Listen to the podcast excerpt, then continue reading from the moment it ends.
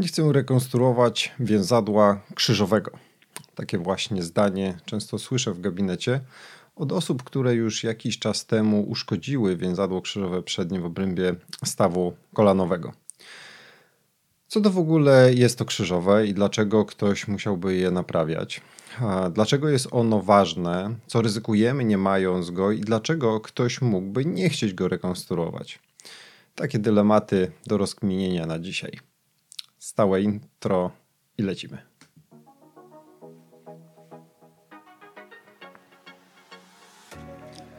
Witam Cię bardzo serdecznie w 57. odcinku podcastu Ortopedia Moja Pasja. Ja nazywam się Michał Drwinga, jestem ortopedą, a w podcaście omawiam problemy ortopedyczne, pokazuję jak pracuję, czym kieruję się proponując konkretny sposób leczenia oraz jakie są jego alternatywy i możliwe powikłania. Jeśli interesujesz się ortopedią, szukasz rozwiązania swojego problemu po urazie lub uczysz się ortopedii, koniecznie wysłuchaj tej audycji. Na wstępie szybko o anatomii, bo chociaż myślę, że mało kto bez tej wiedzy sięgnie po to nagranie, to obowiązek kronikarski nakazuje mi chociaż nakreślić temat. Otóż więzadło krzyżowe przednie jest chyba najbardziej znanym więzadłem w obrębie stawu kolanowego. Znanym, ale to nie znaczy, że dobrze poznanym i stąd wszystkie rozterki, o których wspominam na wstępie. Dla ułatwienia wypowiedzi pewnie czasem wtrącę z przyzwyczajenia skrót, e, czyli powiem WKP. Stąd pochodzi oczywiście, skrót pochodzi oczywiście od e, więzadło krzyżowe przednie, WKP. Niemniej często stosuje się, stosuje się skrót ACL. Ten z kolei pochodzi od angielskiej nazwy tego więzadła, czyli Anterior Crucial Ligament.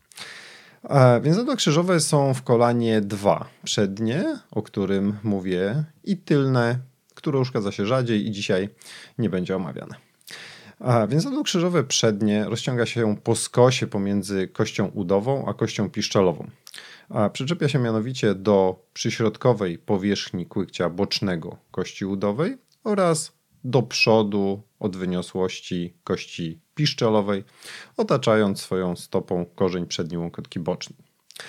Wystarczy stosunkowo nieduży uraz koślawiący kolana, koślawiący, czyli wtedy, kiedy kolano ucieka do wewnątrz, lub uraz skrętny, aby więzadło zerwać. A pacjenci zazwyczaj relacjonują, że słyszeli coś w formie trzasku, że w kolanie coś strzeliło. A w izolowanym e, uszkodzeniu więzadła krzyżowego przedniego pacjent może czasem nie odczuwać bólu. Często nawet kolano nie jest bardzo spuchnięte. A objawy zależą bardziej od zakresu uszkodzeń towarzyszących, takich jak stłuczenie bądź wręcz złamanie tylnej krawędzi kłykcia bocznego kości piszczelowej, uszkodzenie łąkotek lub uszkodzenie więzadeł pobocznych. Kiedy zaczynałem swoją drogę ortopedyczną, e, zabiegi rekonstrukcji więzadła krzyżowego przedniego w Polsce, można powiedzieć, raczkowały. Wykonywała je wtedy pewnie garstka ortopedów. Na świecie z kolei w tym czasie wiele mówiono już o problemie, e, rozmawiano na kongresach ortopedycznych i powstawały kolejne prace oceniające skuteczność lub nieskuteczność ówczesnych rekonstrukcji. Chyba od dawna ortopedom coś nie leżało e, z tym więzadłem. Jedną z największych obiekcji publikowanych wówczas były obserwacje, że rekonstrukcja więzadła nie zabezpiecza kolana przed rozwojem wczesnych zmian zwyrodnieniowych stawu. Z kolei jednak, e, z drugiej strony jednak zauważono, że kolano bez więzadła potrafi niszczyć się jeszcze szybciej, doprowadzając do całkowitej artrozy i zniszczenia stawu w ciągu około 20 lat. Wszystko oczywiście od zależności od wyjściowego wieku pacjenta i intensywności jego aktywności. A kiedy nie ma więzadła krzyżowego przedniego, powstaje niestabilność przednia kolana, czyli kość piszczelowa przesuwa się nadmiernie do przodu w stosunku do kości udowej. W takiej sytuacji e, przygniatane są rogi tylne łąkotek, które stopniowo ulegają destrukcji. A stopniowo dochodzi do utrwalonego podwichnięcia przedniego i zmienia się rozkład sił oddziałujących na chrząstki. Co się dzieje dalej? Pacjent podświadomie chodzi na lekko przygiętym kolanie, bo nie czuje się stabilnie. To podobnie jak w sytuacji, kiedy idziemy po lodzie. A w kolanie bez wyprostu z kolei nie napinają się więzadła poboczne, co doprowadza do sytuacji, w której obciążenie przenosi się jedynie przez jedną, to znaczy przyśrodkową lub boczną część stawu kolanowego. Wszystko to razem szybko doprowadza do uszkodzeń powierzchni chrzęstnych, rozwoju osteofitów i utrwalonego deficytu wyprostu. Kolano zaczyna boleć po większości aktywności, boleć i puchnąć. A w początkowym okresie objawów taki staw możemy jeszcze próbować ratować. Leczymy łąkotki, naprawiamy powierzchnie stawowe oraz rekonstruujemy więzadło krzyżowe, a nie rzadko i rozciągnięte już wówczas więzadło przednioboczne. Jeśli doszło do deformacji osi kończyny, sięgamy również po osteotomię. Jak widzisz, już sama wyliczanka tego, co należy zrobić, jest wystarczająco wymowna, jak rozległe są to zabiegi. A najgorsze jest w tym wszystkim to, że takie ratowanie nie sprawi, że kolano jest nowe. Nie będzie miało pięknych powierzchni stawowych ani łąkotek. Nie zacznie być gotowe do uprawiania regularnych aktywności sportowych. Sukcesem jest ograniczenie dolegliwości bólowych i względne zatrzymanie procesu destrukcji. W takim razie, czy zawsze bez więzadła kolano ulega destrukcji? Tego nie możemy być pewni. Z nieznanych powodów u części osób do takich zmian dochodzi bardzo szybko, a inni przez wiele lat funkcjonują znakomicie i nawet nie odczuwają niestabilności. Niestety, na początku drogi po uszkodzeniu więzadła krzyżowego przedniego pacjent nie wie, czy jego kolano będzie się psuło szybciej czy wolniej. Nie wie tego również ortopeda. Oczywiście im więcej towarzyszących uszkodzeń, tym bardziej możemy domyślać się, że problem będzie narastał. Im bardziej pacjent odczuwa niestabilność, tym większa pewność szybkiego uszkodzenia łąkotek i proces destrukcji może przyspieszyć.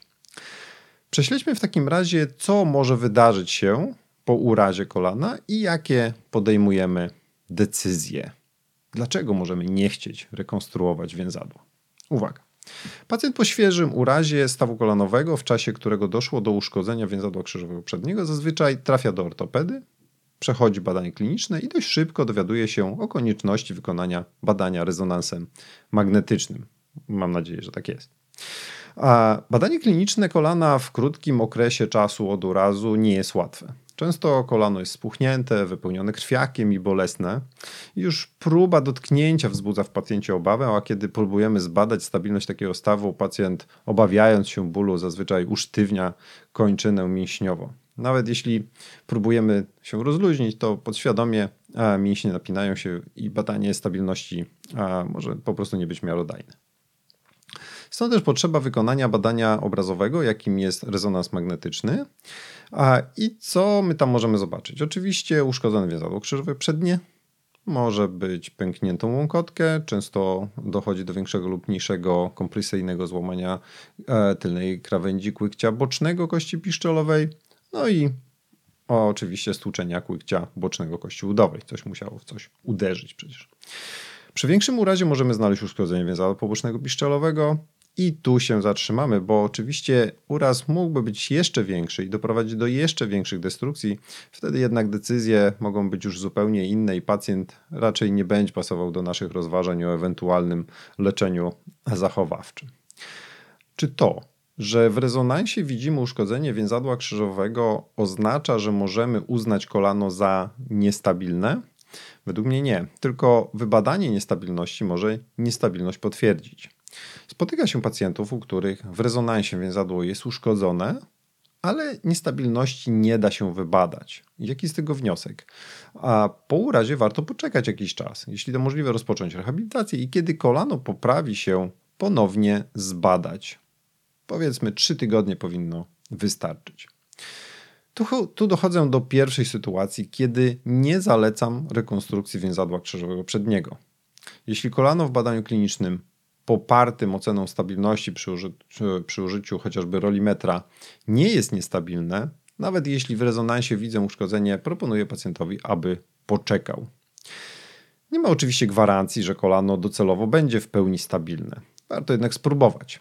Kontynuujemy rehabilitację, wzmacniamy mięśnie, a regularnie sprawdzamy stabilność i czekamy z nadzieją, że stabilność utrzyma się, a w rezonansie w końcu zobaczymy ładny sygnał wygojonego więzadła krzyżowego.